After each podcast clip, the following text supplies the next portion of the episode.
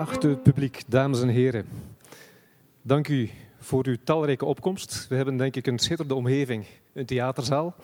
Nodigt altijd uit tot veel verbeeldingskracht, maar ook veel aandacht, omdat het podium zelf zo centraal staat en jullie in een lekker plusje zetel kunnen hopelijk genieten van wat hier aan bod zal komen. We hebben een schitterende gast, uh, iemand die ja, veldwerk achter de rug heeft.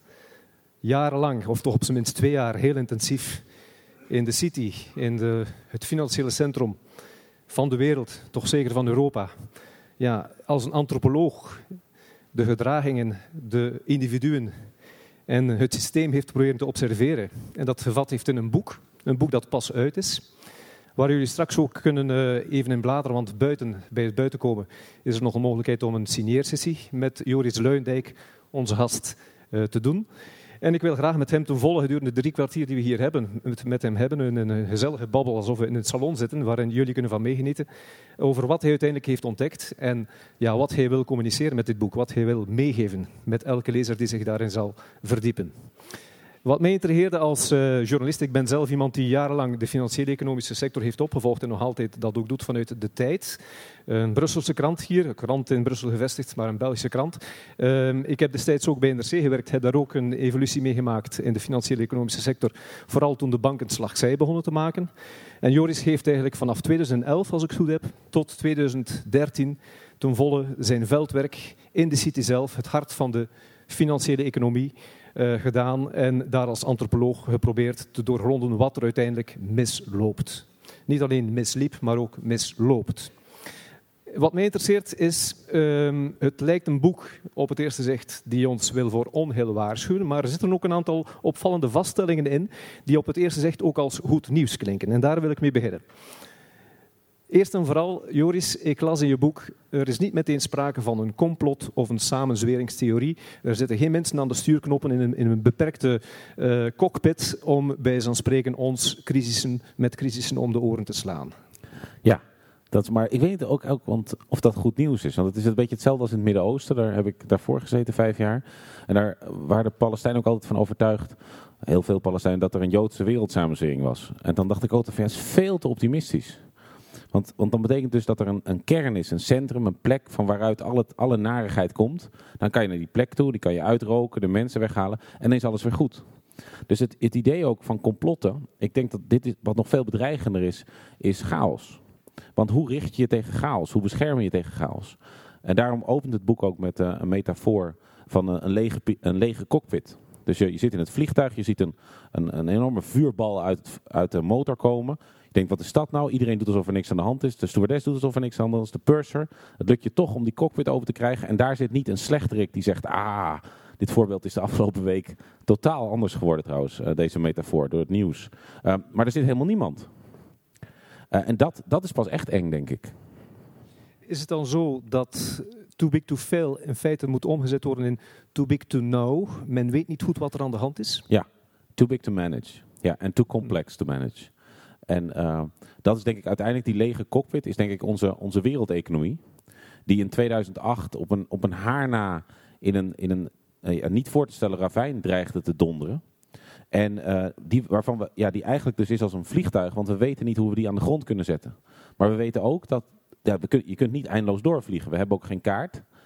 En dus we, we hebben iets gebouwd wat eigenlijk onze, dat niemand meer overziet, controleert of de eindverantwoordelijkheid voor heeft. En dat is een, een buitengewoon beangstigende gedachte die eigenlijk haak staat op ook al het uh, optimisme over globalisering. Waarbij we dachten van nou, globalisering is gewoon België op wereldschaal of Nederland op wereldschaal. Maar globalisering blijkt eigenlijk um, België zonder, nou, dat is ook weer geen goed voorbeeld in dit land, België zonder centrale overheid. Dan heb je er nog steeds drie over. Um, maar uh, Nederland zonder centrale overheid. Uh, en dus banken opereren mondiaal, democratieën nationaal. En die worden tegen elkaar uitgespeeld. En we we weten inmiddels, hè, de topambtenaren, toezichthouders, die zeggen het allemaal. Ja, het is veel te groot om nog te doorzien. Maar hoe krijgen we dit weer kleiner? Je hebt zelf ruim 200 mensen geïnterviewd, soms meerdere malen. Uh, mensen die reageerden op jouw eigen vraag om met hun te praten, of reageerden op wat je via de blogpagina's uh, in uh, The Guardian schreef op de website. Mensen die uiteindelijk iets hadden te vertellen en dan hun code of silence wilden voor een deel doorbreken, zij het wel anoniem. En wat je zelf vaststelde in het boek was dat, wat wij allemaal zouden vermoeden, hebzucht, greed, speelt geen fundamentele rol. Ja, dat verbaast mij ook. Of eigenlijk is, ik ben er vooral op gegeven wat een lastig woord hebzucht is. Dus ik wil bijvoorbeeld dat heel graag dat u allemaal mijn boek dadelijk koopt. Uh, dus dat is een eigenlijk, ik, misschien, we hebben afgesproken elkaar te tutoyeren. Als Hollander kan ik bijna niet anders. Um, jij wil graag maandag op de voorpagina staan. dus jij, bent eigenlijk, jij hebt een soort hebzucht naar zichtbaarheid en status. Dat heeft, denk ik iedereen. Daar komt ook zoveel van onze energie uit voort. Dat, daardoor sta ik s morgens op en ga ik nog Engelse zinsconstructies oefenen. Alleen, het gaat om de prikkels waarin die hebzucht plaatsvindt. En als dat verkeerd is, dan, uh, dan, dan wordt ja, dan, dan komt er gedrag waarvan we dan zeggen hebzucht. Maar eigenlijk is dat gedrag, het is ook, je, je zou denk beter kunnen zeggen gedrevenheid. En gedrevenheid te midden van verkeerde beloningsstructuren leidt dan tot gedrag waar we dan maar hebzucht van maken. Maar bijvoorbeeld angst is volgens mij een veel en veel en veel belangrijkere motivator en drijfveer uh, in de city dan, uh, dan hebzucht. In welke zin? Waar moesten die mensen of waar moeten die mensen bang voor zijn? Uh, ontslag. ik denk ontslag primair. Uh, omdat, uh, kijk, wij zijn gezegend hier in Noordwest-Europa met een, een, schoolsysteem waardoor onze kinderen naar scholen gaan, uh, waarvoor wij niet een hoeveelheid schoolgeld moeten betalen. Dat echt bepalend is eigenlijk, um, simpel gezegd, als je, daar, als je je baan verliest in de city en dan komt een zwart kruis achter je naam, bijvoorbeeld omdat je met een journalist hebt gepraat, dan kom je nooit meer in de hele city aan een baan. Dan ga je misschien nog buiten de sector kunnen werken, maar dan verdien je echt minder. Want in de city word je gecompenseerd voor alle ellende met een wat hoger salaris. En dat betekent dat je het schoolgeld niet meer kan betalen. Dat betekent dus ook dat je je hypotheek niet meer kan betalen. Dan moet je dus gaan verhuizen. Nou, iedereen die kinderen heeft weet dat als, als, als vader, als moeder, is dat ongeveer het beroerdste wat boven je hoofd kan hangen. Um, en dat, dat, ja, die, die, dat schoolgeld daar is echt heel hoog. Um, het varieert ook. Uh, je kan ook weer je kinderen, als je promotie maakt, haal je kinderen meteen uit school en dan stop je ze weer in een duurdere school. Um, en, en dat is die angst daarvoor. En voor de rest denk ik voor de meer de echt grootverdieners statusverlies. Dit zijn, ik zie ze nu in, ik geef nu praatjes op de universiteit en dan, nou ja, dan, ik zie er een beetje uit zoals jij of als ik, als ik al een jasje aan heb. Maar die jongetjes die dragen al een das. En die willen maar één ding en dat is naar de city. En wat ze niet beseffen is dat ze dan acht jaar lang alleen maar gaan werken. En in die acht jaar zijn ze al hun vrienden kwijt. Een relatie is, kan natuurlijk niet meer. Um, en na, na acht jaar leven ze in een soort bubbel. En hebben ze eigenlijk hun mooiste jaren ingeleverd voor status. Nou, om dat te verliezen, om dan uit de city te vallen en dus ook je hele sociale leven is je werkleven geworden, want je werkt alleen maar. En daarna, als dat iets minder wordt, dan verdien je zoveel geld dat de, de kloof met de rest van de samenleving ook kolossaal is. Nou, dat betekent dat als je dan je baan verliest, dat, dat gaat over veel meer, dat is bijna als uit een secte worden gestoten. Is het dan zo dat mensen die rebels zijn of met een hoek af rondlopen, daar minder aan, aan, uh, aan de slag kunnen en ook minder kunnen aarden in dat systeem? Ja, ik denk dat er hele sterke, uh, allereerst aantrekkingseffecten zijn. Dat trekt al een bepaald type persoon aan. En daarna ook hele duidelijke filtereffecten. Waarbij mensen die dus uh, niet conformistisch genoeg zijn, die stoppen er na drie jaar mee. En die gaan of door naar vermogensbeheerders, hedge funds, private equity, de, de echte grote verdieners ook, die ook een beetje neerkijken op de banken. En die, die helemaal niet in het nieuws willen komen. Hè. Dit, dit zijn de, de type mensen die juist een PR-bedrijf betalen om niet te vindbaar te zijn op Google. In plaats van vaker. Um, dus dan ga je daarin, of ze gaan gewoon iets heel anders doen en ze vallen eruit. Um, en wat overblijft zijn dus mensen die bereid zijn om echt jaren en jaren en jaren, eigenlijk alles wat hen mens maakt, uh, te vergeten. Allemaal maar om het daar vol te houden. En wat het zo. Uh, uh, uh, ja, wat in het Engels, zo mooi dat in het Engels, ik vertaal het nu boeken zelf in het Engels, de eerste versie, en dan kom je op allerlei woorden tegen die je dus in de ene taal wel hebt, de andere niet. Zoals in het Engels heb je niet gunnen. Dat woord hebben ze niet nodig in Engeland. Wel misgunnen, maar niet gunnen. En in het Engels heb je weer het woord abusive. En dus, dus mishandelig, zou je kunnen zeggen. Nou, dit, die cultuur in die banken is diep abusive. En dat, dat komt eigenlijk allemaal samen bij het, uh, het, uh, de hire and fire culture, zoals het heet. Dus het ontslaan en aannemen cultuur. Want iedereen weet dat ieder kwartaal kan het hoofdkwartier besluiten... nou, we gaan er 1% uitgooien. Nou, dat betekent dat gebeurt op dinsdag. Op maandag wordt al het papier in gereedheid gebracht. En ook doen ze rollenspellen. De manager en de uh, personeelszaken gaan dan bekijken... welke van de mensen die we morgen gaan ontslaan... wordt zo agressief dat we extra security nodig hebben. En dan begint het op maandagochtend. Als iedereen binnen is, één telefoontje. Nou, die persoon die neemt zijn telefoon op, pakt zijn spullen en loopt meteen weg. En dan weet iedereen het begint. En dit zijn echt hele grote zalen, die trading floors, die handelsvloeren. Uh, of ook waar de dealteams zitten. En uh, vervolgens eigenlijk de hele dag is het als een bombardement. Gaat steeds de telefoon. Alleen ja, het kan natuurlijk ook een klant zijn. Het kan ook een recruiter zijn, een headhunter, die uh, wil weten van hey, wie is er inmiddels ontslagen. Dan kan ik daar achteraan om te kijken of hij klant bij mij wil worden. En mensen moeten ook naar de wc. Dus soms leggen ze hem neer en lopen ze weg. En dan gaan ze rechtsaf naar de wc. En niet linksaf naar de, naar de liften. Nou, dat is na een dag. Kijk, kijken mensen dus echt om zich heen als bij een bombardement. Van wie zit er nog? Nou, dat hangt dus boven je hoofd. Je weet, ieder kwartaal kan management samen met personeelszaken langs de lijst gaan en weten, nou, er moet er eentje uit, twee uit. Iemand krijgt een kruisachtersnaam. Natuurlijk eerst de zwangere vrouwen en de mensen op ziekteverlof. Maar daarna komen ook andere mensen. Tegelijkertijd heb je dan nog de, heb je de call. Dat is het uitdunnen. Ieder, iedereen wordt permanent geëvalueerd. Hoeveel geld verdien je? Hoe lig je bij de anderen? En de onderste 3% worden eraf geknipt. Ook al hebben die onderste 3% meer winst gemaakt voor de bank dan uh, ons levenssalaris. Maakt niet uit. Standaard, hoe dan ook, Darwinistisch, de onderste 3% eraf. Waarom? Om de concurrentie op te krikken of kosten ja. te besparen? Nee, of, op zich niet. Want, uh, want kijk, op zich als die mensen veel geld verdienen, dan maak je zelfs verlies als bank door ze eruit te gooien. En toch gaan ze eruit. Echt zuiver Amerikaans Darwinisme. Uh, allemaal overgewaaid uit Amerika. En tenslotte heb je de executie. Dat kan ieder moment gebeuren. He, je komt met je pasje aan uh, bij je bank en, je, en, je, en hij doet het niet. Je denkt, oh, wat gek. Je gaat naar de portier en de portier zegt, zoekt je naam of zegt, ah, gaat u daar maar even zitten. Dan brengt personeelszaak uw spullen. Of, uh, of je neemt de telefoon op uh, en of je, je, je persoon naast je neemt de telefoon op en zegt, ah, oké. Je krijgt nog een knuffel en is weg. En zo iemand wordt op dat moment wordt zijn telefoon geblokkeerd, zijn e-mail geblokkeerd, zijn security pas geblokkeerd. Er zit iemand van security bij, niemand mag weer met hem praten. En binnen vijf minuten staan ze buiten. En dat, je komt dus terug van de lunch en de persoon met wie je vijf jaar hebt gewerkt, is er niet meer. Spullen zijn weg, niemand praat er meer over. Vaak hoor je ook niet dat iemand eruit is gegooid. Dus dat is gewoon puur omdat je e-mails geen antwoord meer krijgt op e-mails. Of dat er een pijnlijke stilte valt tijdens de vergadering. Dat je beseft, ah, Piet werkt niet meer bij ons. Nou, die drie dingen hangen dus boven iedereen. Dus we hebben zo'n beeld van de Masters of the Universe en die gave bankiers. Nou, als jij Master of the Universe bent en je kan ieder moment uit je universe worden geschopt, dan ben je volgens mij geen master. Nou, dan is het dus ook nog zo dat bij die, private, die hedge funds en die private equity, dus dat zijn de, de vermogensbeheerders, daar liggen de salarissen nog veel hoger. Dus ook in de sector zijn de bankiers nog niet eens de alfa's. Dus we hebben eigenlijk als buitenstaanders een heel raar beeld van die mensen. Het valt ook op, uh, je beschrijft ook hoe fouten niet geaccepteerd worden. Je mag geen fouten maken.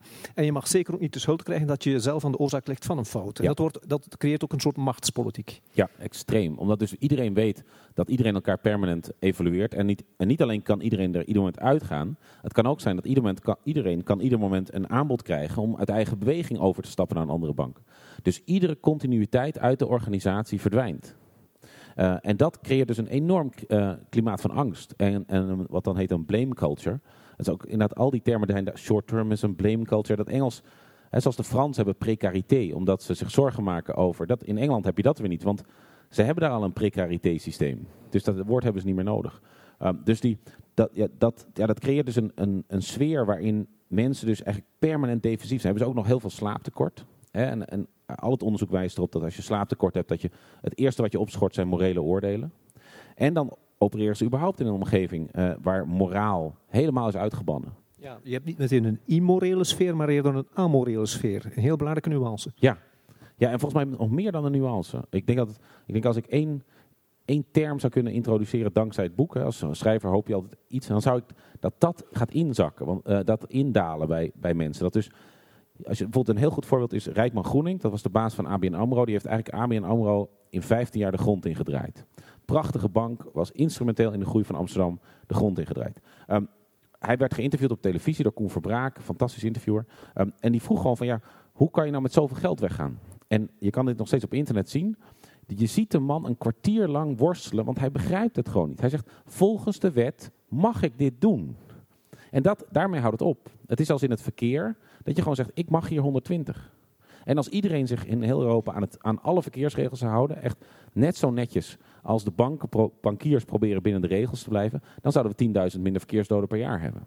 Dus, dus ethiek wordt eigenlijk helemaal... Ethiek is eigenlijk datgene wat je doet bovenop wat je toch al moet doen. Dat bestaat niet. Het enige woord ethiek daar is werkethiek en dat betekent totale overgave aan de baas. En dus amoreel betekent de regels staan in de wet, daar houd ik me aan. Er voelt ook geen discriminatie. Je komt daar veel meer gekleurde mensen tegen en vrouwen en homo's in de city dan in andere bedrijfstakken, waaronder de journalistiek. Ehm, je houdt je aan de wet, uh, maar daarbinnen mag alles. Dus een, als je een, een of andere, de Belgian dentist, hè, dat, is dat is een categorie. De kleine in, belegger, de zelfstandige. ja. ja. Nou, die mag je echt, uh, die mag je nog niet helemaal te grazen nemen. Maar bijvoorbeeld een, uh, een of andere some guy uit de Belgian Bank, hè, zo zeiden ze dat dan. Uh, dat die, ja, die, die geldt als sophisticated, dus een competente financiële partij. Die mag je gewoon de grootste rotzooi verkopen. Als je maar ergens op bladzijde 67 in de bijsluiter zegt dat het de grootste rotzooi is. En wij hebben dus in Europa uh, wij hebben een heel ander rechtssysteem ook. Onze rechter kan toetsen aan te goeder trouw. Maar de Engelsen hebben dat niet. Bij Engels is gewoon puur wat staat er in de wet. De, de rechter staat in Engeland aan de kant van de sterkste, want de sterkste heeft de beste advocaten. Bij ons kan de rechter daar gewoon tegenaan. Die zegt ja, ja, die persoon heeft wel getekend, maar luister, u heeft een racefiets verkocht aan iemand zonder benen. En dat ga ik dus niet toewijzen. En dat is dus daar wel. En dus dat amorele, dat, daar zijn ook echt juridische terminologie voor. Caveat emptor heet dat dus. Koper weet wat hij koopt. En dat betekent gewoon dat je, je mag hier vanuit de city, en dat doen ze ook de hele tijd, overal naartoe vliegen, naar gemeentes. Naar, en die mag je gewoon allerlei dingen gaan aansmeren. En dan moeten die gemeentes maar gaan uitzoeken wat het is. En dan de truc is, je, zoekt, uh, je, je, je overtuigt er twee van gemeentes, van zeg een gemeente in België van 100.000 inwoners. En daarna doet het zijn eigen werk, want die komen elkaar tegen op allerlei netwerkbijeenkomsten. En die gaan zeggen van, heb jij nog niet zo'n derivaat? Oh, ja, ja, jullie lopen altijd al wat achter hè, daar in Gent. Nou, dan wil zo'n gast ook, ik wil ook zo'n derivaat. En dan heb je nette bankiers en die kijken en die zeggen, ja, maar dit heeft hij helemaal niet nodig. En die gast, ik wil ook zo'n derivaat, anders ga ik naar je collega, anders ga ik naar een andere bank. Dus er zit ook, uh, in dat opzicht, dat zit er weinig in het boek. Daar word ik nu steeds op gewezen vanuit de zaal door bankiers.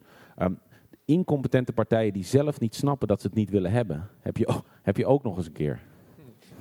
Het is wel, wel verontrustend in, in die zin dat je dus een systeem vaststelt waar intern door conformisme, door angst, door een zekere machtspolitiek mensen zelf niet zomaar de code of silence willen doorbreken, meegaan met het systeem, waar van buitenaf laten zeggen ook klanten bij zo'n spreken zich vergelijken met elkaar en kijken van ja, je hebt dat, ik wil dat ook. Uh, banken spelen daarop in.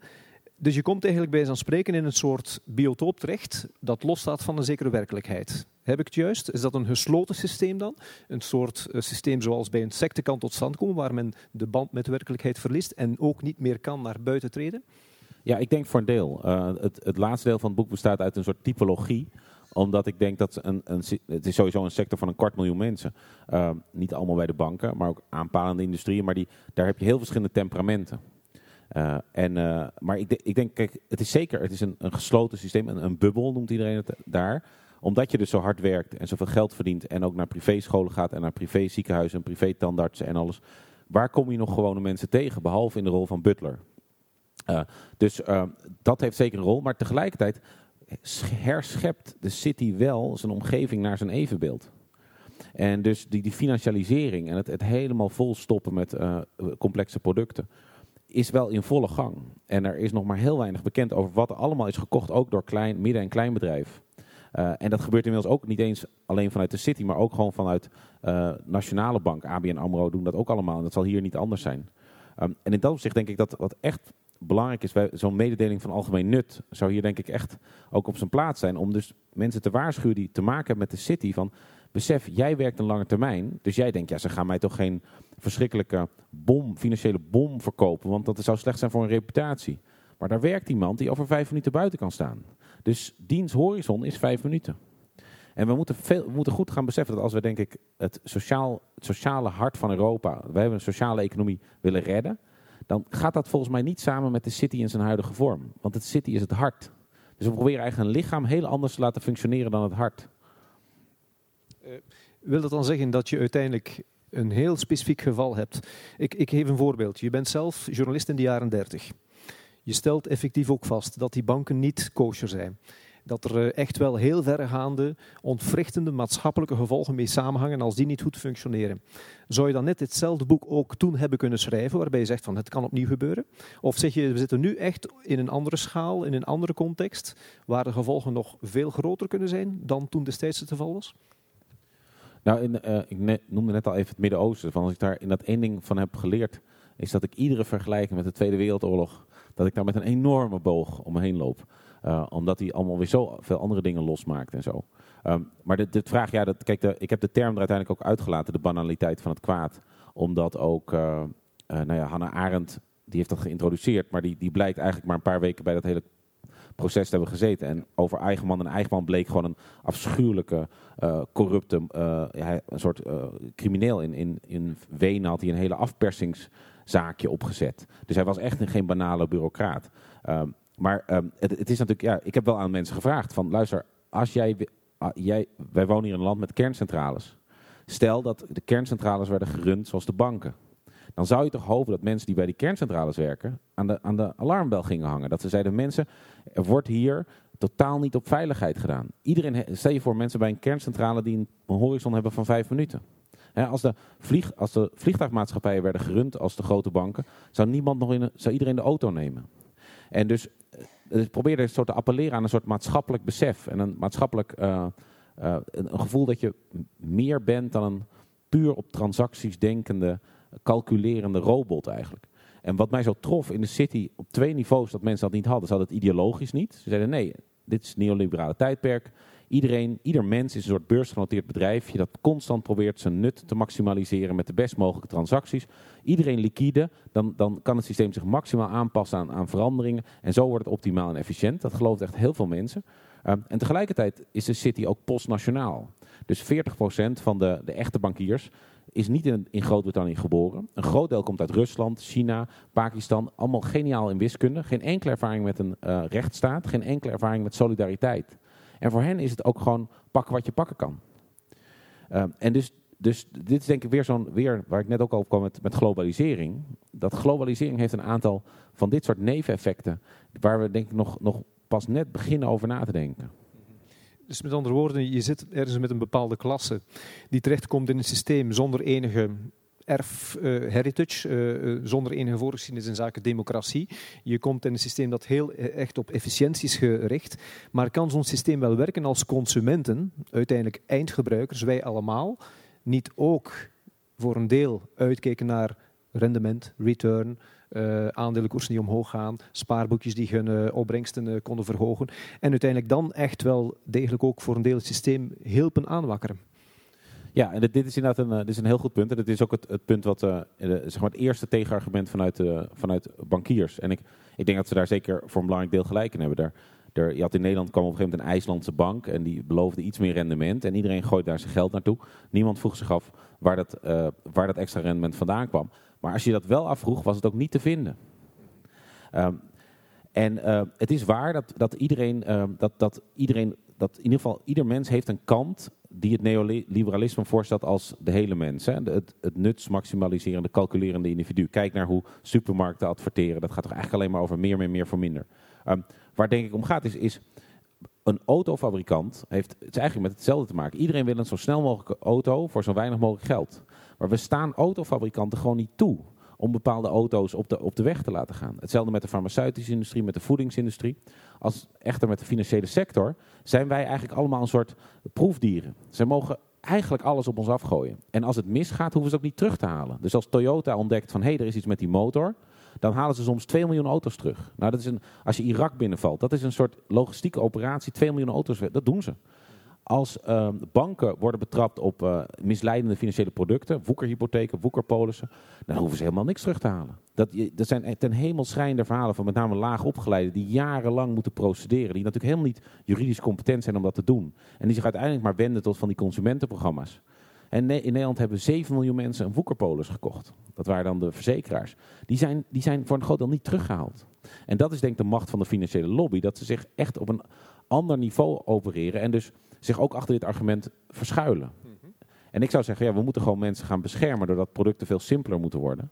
En als er kan worden aangetoond dat er, er misbruik is gemaakt van informatieasymmetrie, ook weer zo'n heerlijke term, dan moeten er ook echt mensen de bak in. Mhm. Ja, wil ik meteen even een vraag stellen die ik pas op het einde wou stellen, maar toch wel hier mooi op aansluit. Je schrijft op een bepaald ogenblik, die sector, die financiële sector is immuun voor ontmaskering. Is het dan gewoon omdat zij een, zo, een vorm van impliciete chantage hanteren? We zijn levensbelangrijk voor een maatschappij, voor een economisch systeem. Met andere woorden, als je ons iets aandoet, ga je uiteindelijk ook heel veel gevolgen creëren die misschien niet positief zijn voor de rest van de maatschappij. Ja, dat is denk ik wel als je gewoon naar de, uh, naar de uitspraken kijkt ook van de bankenlobby. En dat, regelmatig krijgt Nederland door van ING, als, als Nederland zich niet gedraagt, gaat ING weg. Nou, in 2008 had ING zich niet gedragen, toen hoefde het niet weg. Dus zeker het Verenigd Koninkrijk, maar Nederland ook met zijn gigantische sector. Is, kan je afvragen, is dat nou een land met banken of is het banken met een land? Uh, en, uh, en dit is denk ik ja, echt een, een zeer, zeer, ernstige, zeer ernstige vraag. En het aardige is dat je uh, kijk, het Westen zijn natuurlijk eigenlijk laboratoriumpjes waarbij je steeds um, variabelen kan isoleren. Dus Nomi Klein, geloof bijvoorbeeld, want rond klimaat en olie heb je eigenlijk hetzelfde probleem. Die zegt dat is corruptie. Wat we natuurlijk niet corruptie noemen, maar campagnedonaties. in Amerika kan je gewoon een politicus kopen. Uh, dat doet dus ook iedereen. Nou, dan ga je dus naar Engeland en daar heb je dat ook. En je hebt daar ook tweede carrières. Nou, Engeland is ook compleet in de zak, het establishment van de banken. Dan ga je naar Nederland, daar heb je eigenlijk geen campagnecorruptie. Die, die politieke partijen zou, bij ons zouden echt betere campagnes hebben als ze veel geld kregen. Um, en gelukkig. En gelukkig. Maar wel tweede carrières. De, de VVD, dat zijn de, die noemen zich dan de liberalen. Die, eh, die, die, stromen gewoon. Dat is een soort van uh, conveyor belt. Dat is een soort roltrap richting de financiële sector, die partij. Um, dus dat heb je ook. Dan zou je denken, zou daar dan door komen? Dus campagnecorruptie hebben we dus geïsoleerd, want dat heb je in Nederland niet. Nederland zit nog steeds, ligt in bed met de financiële sector. Tweede carrières. Dan ga je naar België, dan heb je geen campagnecorruptie en ook geen tweede carrières. Luc de Hane wilde helemaal niet naar Dexia. Toch ook hier, als ik tenminste uh, mensen als John Combres en zo moet geloven, is ook hier eigenlijk dicteert de financiële sector. En dus denk je, waar, waar zit dat dan? En ik denk inderdaad, het is van de ene kant is het chantage. Uh, dat hadden we in 2008. Van, nou jongens, als je ons niet redt, dan stort de hele boel in elkaar. Dan houdt de handelsfinanciering op. Als de handelsfinanciering ophoudt, dan houdt ook de bevoorrading op van supermarkten, apotheken en tankstations. Nou, stel je voor dat een paar honderd miljoen mensen tegelijk horen dat ze niet meer geld kunnen pinnen. En dat ook de supermarkten leeg zijn. Dan krijg je gigantische, niet voor te stellen rellen. En als tweede graadseffecten natuurlijk enorm veel criminaliteit. Want als de politie bezig is met de rellen, kan jij met een pistool best een restaurant binnenlopen en zeggen, nou lever maar in die portefeuille. Dat gebeurde ook in Londen in 2011 bij de rellen daar, die niet over de bank gingen. Um, dat hangt ons boven het hoofd. Hè. Dus je, je kunt een bank beroven, dat is een hoop gedoe. Maar als je, nou, je kan ook met een bank de staatskas beroven. Nou, dat is niet, kijk, dat, dat, is niet dat was niet de intentie. Denk ik, dat geloof ik echt niet. Niemand wilde die crash van 2008. Enkele naar na. Uh, maar het was, het was wel het effect. En sindsdien, het is zo complex geworden dat de banken ook ons ook eigenlijk bij de, wat dan de, de Engelsen noemen de short en curlies vast hebben. Um, zoals de IT'ers, de banken weer. He, de, de, banken, dit zijn allemaal, zoals BNP Paribas, dat is een eindeloze stapel van fusies en overnames. Ze hebben geen nieuw IT-systeem gebouwd. Ze hebben alles in elkaar geschoven. Nieuwe producten, allemaal touwtjes, get-arounds, um, um, spuug- en touwtjes noemen we dat in Holland. Spuug- en plakwerk bij Spuug- en plakwerk, ja. En eigenlijk die banken begrijpen het niet meer. Ook omdat natuurlijk hun IT'ers ook de hele dag worden weggekaapt. Dus dan uh, betekent dat ze dus de hele tijd naar die IT-bedrijven moeten als het weer vastloopt. En die IT'ers die lossen het natuurlijk niet op. Want als je het oplost, word je niet meer gevraagd. En de frustratie bij banken over een IT is de frustratie van ons bij de banken. Dus een, een onmisbare, maar doelbewust, uiterst, en voor een deel doelbewust, voor deel uh, uh, qua puur omdat nou eenmaal als uitkomst, hypercomplexe en hyper onhanteerbare eenheden. Waar toch niet zonder kunt. Daarom ben ik ook tegen om de financiële wereld een parasiet te noemen. Want een parasiet dat, die je uit een lichaam sloopt, is het lichaam er beter aan toe. Maar de financiële sector is het hart. Het, het geld, geld, is het bloed en de financiële sector is het hart. En dus te veel bloed, te weinig bloed, even stoppen met pompen. Het is allemaal desastreus. En dus daarom is dit denk ik uh, net, uh, dit is de nieuwe politiek. En een democratie lijkt ook steeds meer op het systeem waarbij wij de mensen kiezen die gaan uitvoeren wat de financiële sector dicteert. Je hebt een aantal typologieën ook beschreven. Je bent antropoloog. Vind ik interessant, omdat je daar ook een aantal namen aan bod liet komen. En dat ging van, van een beetje er naar, naar alsmaar erger. Ik, ik uh, verwees naar, uh, u verwees ook naar, verwijst naar Master of Universe. Dus gekend ook omwille van film destijds en ook uh, regelmatig gebruikt ook in de pers. Dat zijn dan mensen die, die bij zijn spreken zich de meesters van de wereld wanen. Maar dan heb je ook natuurlijk een, een, gradatie erger. Dat zijn dan de zeepbelbankiers. Die contact hebben verloren met de rest van de wereld heb je nog een gradatie erger. Dat zijn dan de waanbankiers. Ze hebben contact verloren niet met de rest van de wereld, maar gewoon met de werkelijkheid. En dan heb je als top of uh, the worst, heb je dan de koele kikker. Uh, dat is dan iemand die eigenlijk bij, bijna een Faustiaanse ervaring ondergaat. Hij verkoopt zijn ziel letterlijk aan de duivel. Geef er eens wat toelichting over. In welke mate spelen die een rol in die sector? Ja, dit zijn heel vaak uh, dit zijn de structures. Dit zijn de mensen die complexe financiële instrumenten bouwen. Hebben vaak een, stevige wiskundige kant. En zien ook, denk ik, projecteren ook op de moraal eenzelfde wiskundige houding. Waarbij dus dat, dat hele idee van moraal valt samen met de wet. Is heel prettig als je sterk uh, afhankelijk bent of graag patronen in de werkelijkheid ziet. En eigenlijk alle smoezeligheid en alle, alles wat kunst zo interessant maakt, eigenlijk niet zoveel meer hebt. Je wil gewoon eigenlijk heldere regels die altijd gelden, zoals in de wiskunde. Dus ook in de moraal, de wet is de wet en punt. En deze mensen bouwen dus die, die, die, die uh, ingewikkelde financiële producten. Dat, ik had niet de indruk dat ze werden gedreven door hebzucht. In de zin dat degenen die ik sprak waren heel vaak midden dertig en waren er net uit. Daarom spraken ze met mij af. Maar hadden gewoon genoeg om de rest van hun leven heel aangenaam te leven. Dus het was veel meer een operatie. Die, Masters of the Universe, voor wie het een spel is, die willen altijd meer. Zoals sporters ook altijd nog een gouden medaille willen. Het is nooit genoeg. Uh, maar dit zijn mensen die echt heel gewoon iets komen halen.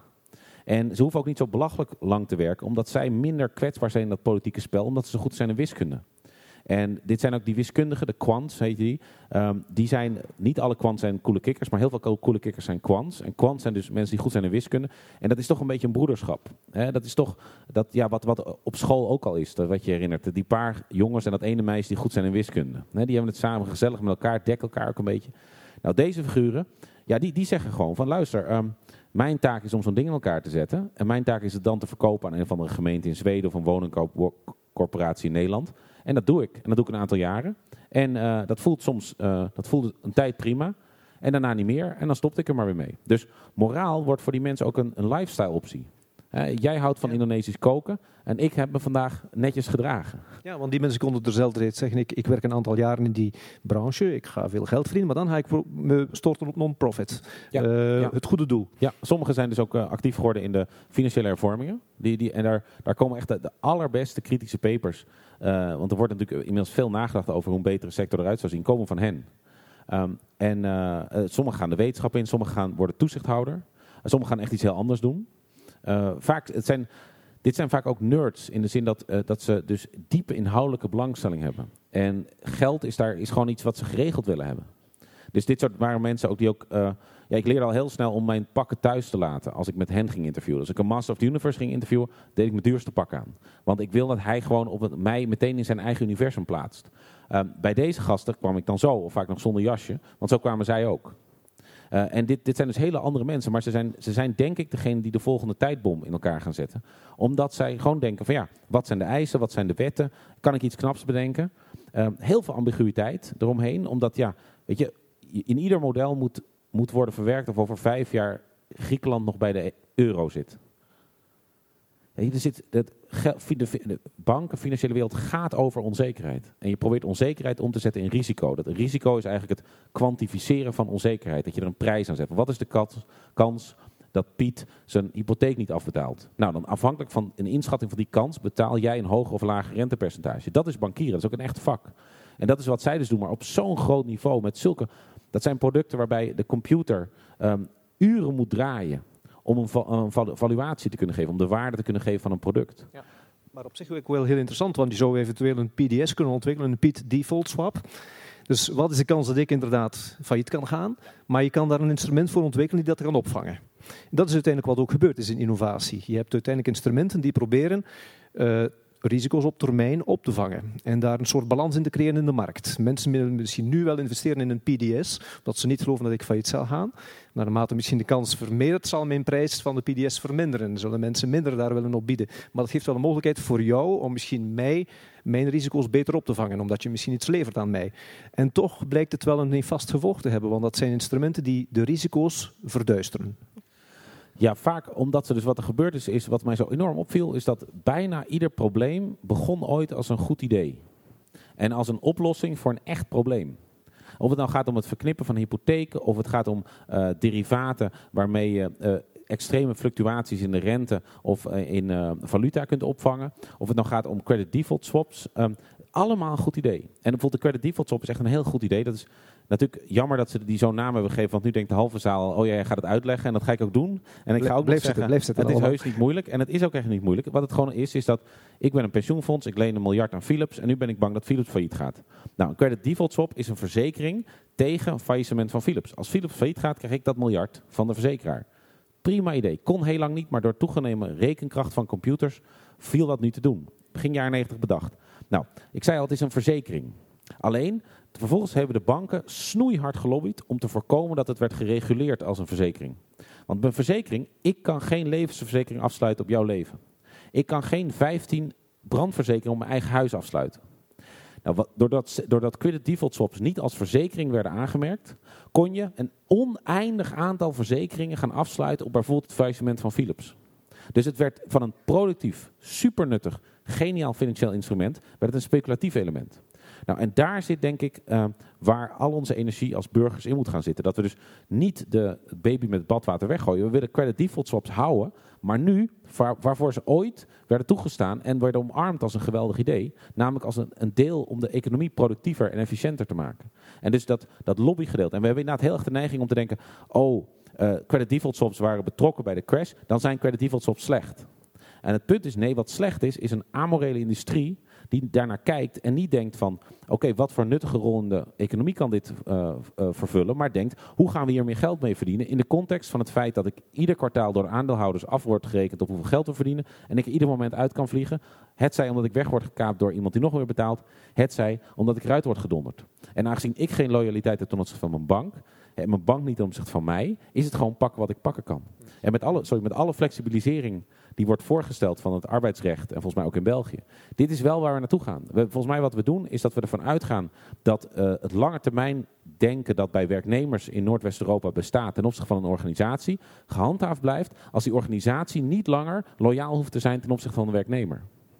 Maar is het dan opgelost door bijvoorbeeld ontslagbescherming in te, in te voeren? Door iets meer een uh, socialer stelsel zoals in België en Nederland uh, aanwezig is in de city in te voeren? Is het daarmee opgelost? Nee, het is zeker niet opgelost. Ik denk dat het, een, het is een stelsel van problemen. En wat ook zo ingewikkeld is, is dat bijna niemand dat wilde. Die ik dan vroeg. Men had het zo geïnternaliseerd. Dat ja, dit is de, als het te warm voor je is, moet je de keuken uit. Uh, work hard, play hard. Um, ook omdat mensen natuurlijk, om, zolang ze niet ontslagen zijn, houden ze zich voor dat dat komt omdat ze zo goed zijn. Het zelfbedrog is toch een van de meest belangrijke eigenschappen van mensen. Um, en het is ook zo dat in dat systeem in de city, als jij eruit wordt ge uh, gegooid, krijg jij vaak wel een jaar salaris mee. En wat natuurlijk heel anders is als jij wanneer er hier een ziekenhuis dicht gaat en jij er gewoon uitgaat. Want dan kun je nog wel een jaar salaris mee krijgen, maar daarna is dat ziekenhuis er niet meer. Terwijl die city is er nog steeds. Dus voor hen is ook die liquiditeit, eh, liquiditeit boven loyaliteit, speelt heel anders dan voor ons. Maar de meeste mensen wilden dit dus niet. En uh, ja, het is ingevoerd door de Amerikanen. Het is wat dat betreft vond ik zo interessant te merken dat begin jaren 70 ging Paul Krugman, de Nobelprijswinnaar. Er is helemaal geen Nobelprijs voor de economie, want economie is helemaal geen wetenschap. Maar ze hebben toch stiekem een soort Nobelprijs ge gemaakt. En die is naar Paul Krugman gegaan. En de New York Times columnist. En die zegt van ja, begin jaren 70 wilde echt niemand bij de bank werken. Daarom hebben, zijn vrouwen daar toen tussen gekomen. Omdat het zo'n lage status had dat vrouwen er mochten gaan werken. Iedereen wilde naar IBM. En waarom wilde iedereen naar IBM? Nou, super uh, uh, dat, prestigieus, maar je werd aangenomen voor het leven. Dat is pas vanaf eind jaren 70, begin jaren 80 is het arbeidsrecht in Amerika gesloopt. En in de city in Londen had je dus ook mensen via de 20, 30 jaar bij de firm. Die, die banken, de, die, die het meest risicovolle activiteiten deden, dat waren partnerschappen. Kleine firma's waarbij de, de, de top hoofdelijk aansprakelijk was. Dus die echt wel gingen kijken naar reputatie en kapitaal. Want zij zaten straks in de schuldsanering als het misging. Um, en mensen werden daar vaak voor het leven aangenomen. Dus de term, het zijn van die heerlijke termen, die Engelsen zijn er zo goed in. Het was, destijds was het long-term greedy.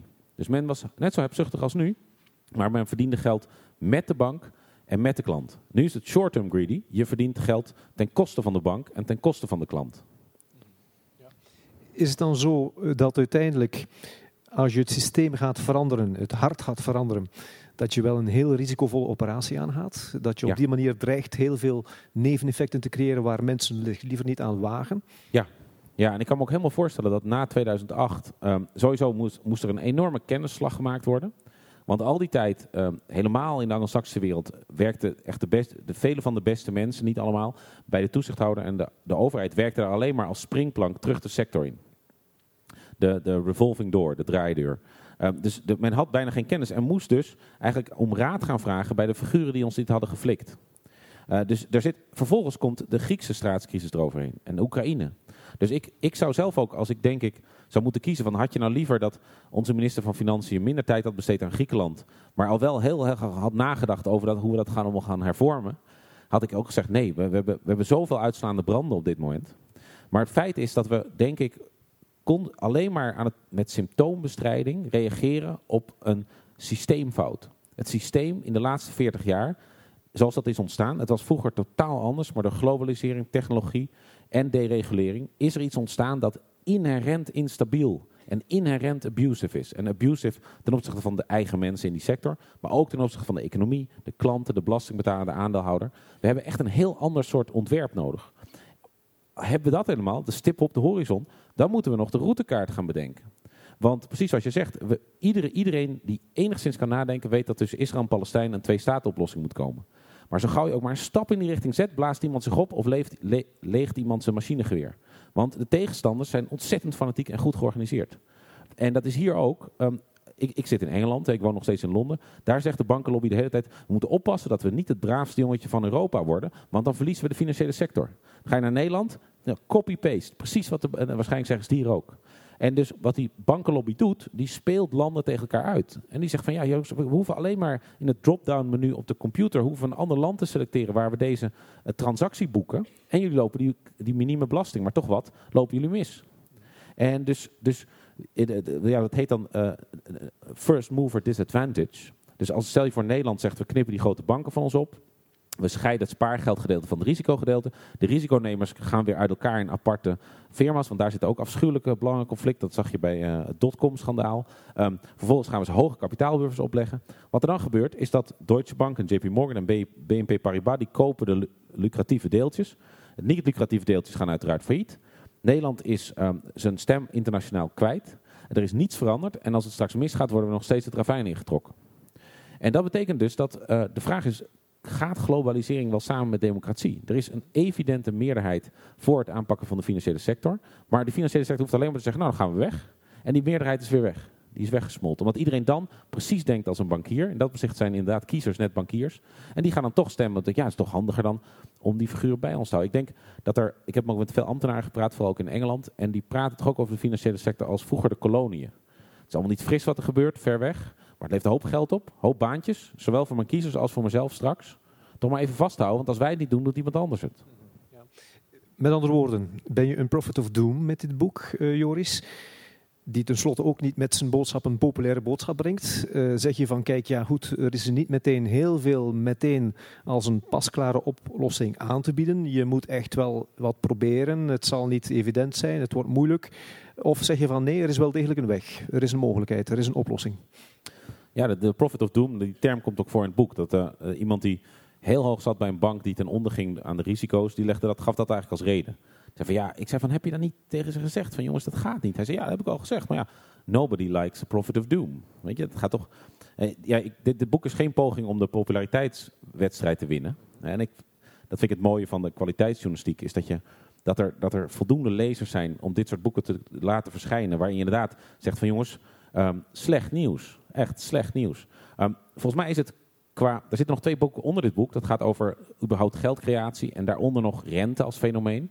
Dus er, de financiële wereld als, heeft, en de monetaire wereld heeft nog, denk ik, een veel grotere herziening nodig. Maar op dit gebied is het eigenlijk heel simpel. We moeten gewoon banken gaan krijgen die zo klein zijn dat ze ons belastingbetalers niet meer kunnen chanteren.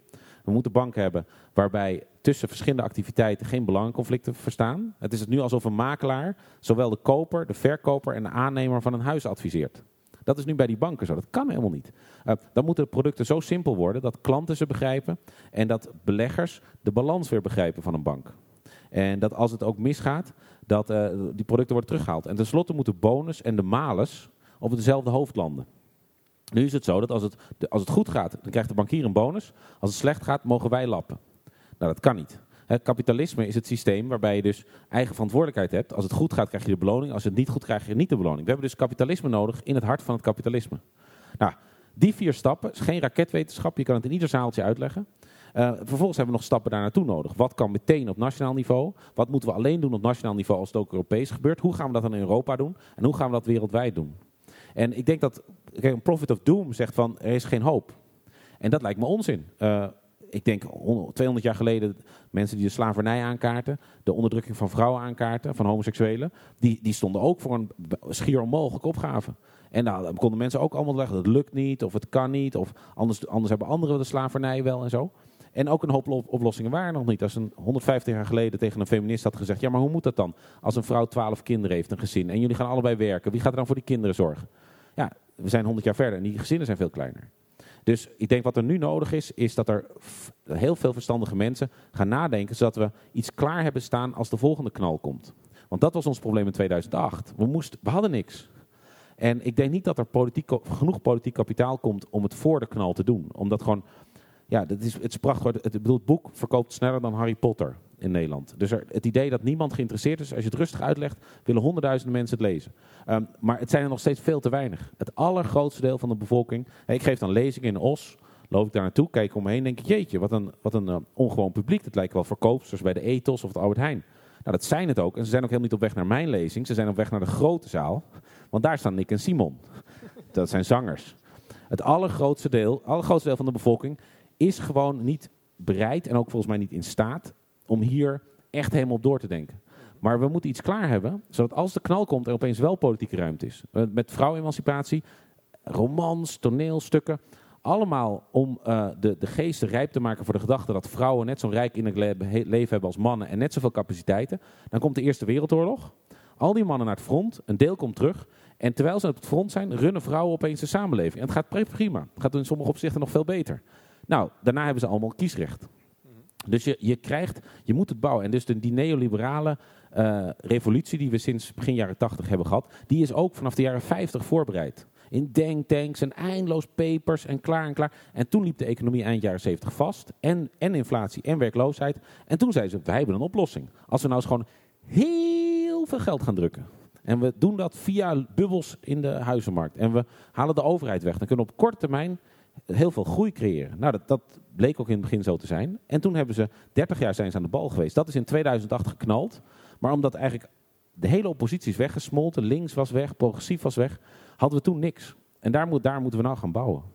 Ik wil ook even toch de vraag stellen, je, hebt, je bent zelf antropoloog, je hebt ook een bepaalde wetenschappelijke aanpak, maar in welke mate heb je ook niet een beetje door de blog op The Guardian ook een bepaald soort type van mensen aangetrokken? Die misschien met een zekere voorbedachtheid net met jou gaan spreken en die net niet de, de grote gemene deler vormen van wat in de city aanwezig is en hoe mensen binnen de city denken over hun manier van werken, hun systeem. Ja, dat is een hele goede methodologische vraag. Um, op zich is het natuurlijk zo dat ieder kwalitatief onderzoek, dat is gebaseerd op gesprekken, is afhankelijk uh, van de bereidheid van mensen om mee te doen. Uh, en dus tenzij je ze zou gaan afluisteren, bijvoorbeeld, en dan nog kan je geen vragen stellen, of je zou ze kunnen kidnappen, en dan kan je ze wel vragen stellen, maar dan krijg je ook weer een bias. Um, wat ik natuurlijk heb gedaan, is dat ik mensen de hele tijd ook heb gevraagd over de soort mensen die zich niet opgeven. Zeg, hoe zijn je collega's nou? Ik snap dat de Guardian-lezers zitten links. Nou, het is wel online, dus dat is heel anders. Maar dat zijn toch het zijn opvallend vaak waar het mensen met een arbeidersklasse-achtergrond bijvoorbeeld. Uh, van hoe zit nou de rest? Uh, hoe denken die nou? En de, de soort mensen die niet met mij zouden afspreken, zijn het allemaal monsters? En echt, zelfs de meest kritische, verwoestende figuren zeiden van nee, het probleem is niet dat het monsters zijn. De structuren zijn monsterlijk, het probleem niet. Daar, daarbij kwam dat heel veel mensen gaven zich juist op om te zeggen van het, er is helemaal geen probleem. Of het is niet ons probleem. Of er is toch geen oplossing. Uh, de Masters of the Universe, die zeiden allemaal van... Uh, ja, het is tragisch hoe jij in, dat, uh, in die propaganda van de bankerbashers bent getrapt. Want, nou, en dan gingen ze een hele reden geven waarom de banken uiteindelijk niks te verwijten viel. Of hun bank niet, of hun afdeling niet, of hun persoonlijk niet. Dus er was ook wel een hele, al, al een hele rijk schakering aan motivaties voor mensen om hun baan op het spel te zetten en met mij af te spreken. maar er zitten zeker, nee, als dit het is natuurlijk raar dat, dat dit niet het eh, twaalfde boek is met zo'n onderzoek sinds de crash. We hebben hier dus, dit zijn de mensen die op een haar na ons, ons leven zo hadden veranderd. De mensen die ik sprak, die hadden het over dat ze voedsel gingen inslaan, dat ze uh, al het geld van de bank haalden, omzet in goud. Uh, er zouden wapens zijn ingeslagen. Mensen die naar huis bellen en zeggen, breng de kinderen in gereedheid voor evacuatie naar het platteland. Heb je dat kunnen verifiëren? Is dat wel degelijk zo geweest? Ja, in, in Nederland ook. Echt mensen die nu vrienden ook, die in de financiële wereld werken, die zeiden van ja, nee, ik heb toen ook uh, voedsel ingeslagen. Dat ik echt zeg, maar waarom had je dat mij niet verteld in 2008? Moest ik het dan komen kopen bij je? En uh, het, ik, ik, denk dus ook dat er um, bij mensen is er een soort directe neiging, net als bij klimaatverandering, om te denken dat kan niet waar zijn. Daarom heb ik ook de titel genomen. Dit kan niet waar zijn. Als je tegen mensen zegt, in 2008 is op een haar na jouw leven onherkenbaar veranderd. En zou jij in je hoofd een tijdlijn hebben tot 15 september 2008 na. Een beetje zoals in, eh, in New York, 11 september.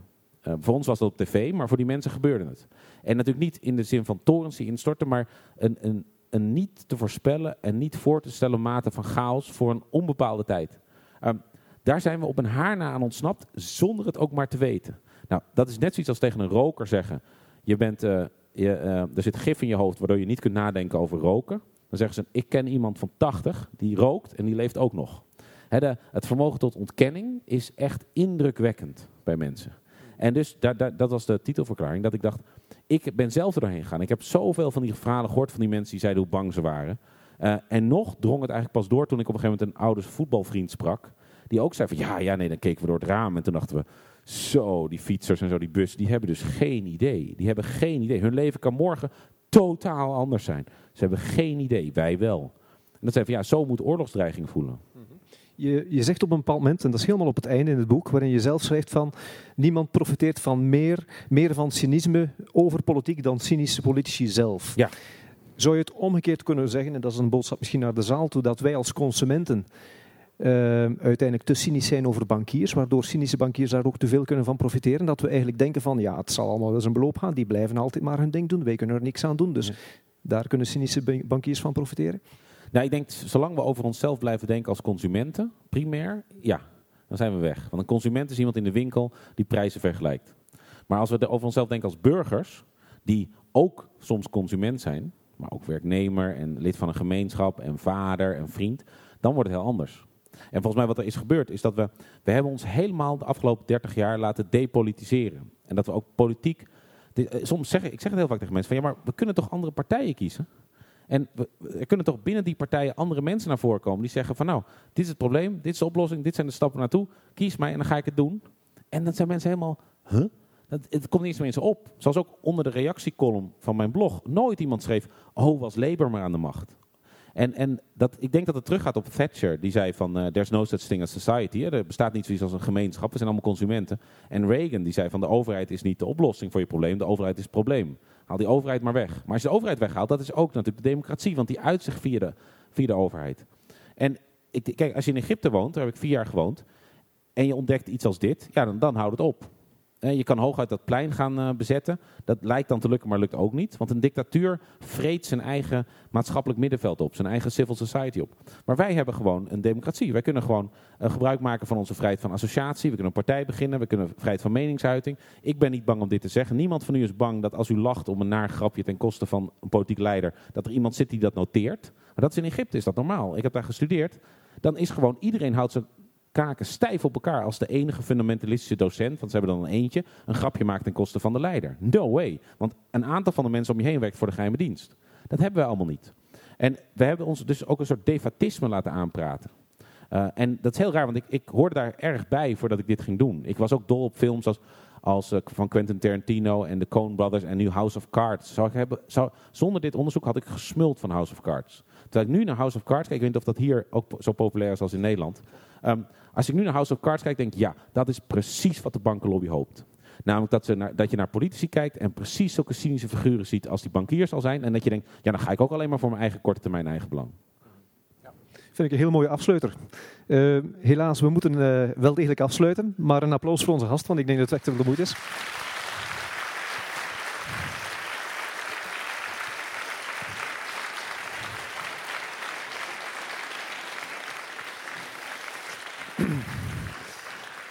Allemaal hartelijk dank voor jullie komst. Jullie weten, er is een signeersessie. Jullie kunnen praten met de auteur. Maak daarvan gebruik. En ik denk rond zessen is er een belangrijke afsluiting, namelijk met Ian McEwen. Dat gaat door in de Bozar. Allen daarheen zou ik zeggen. Geniet ervan. Dankjewel.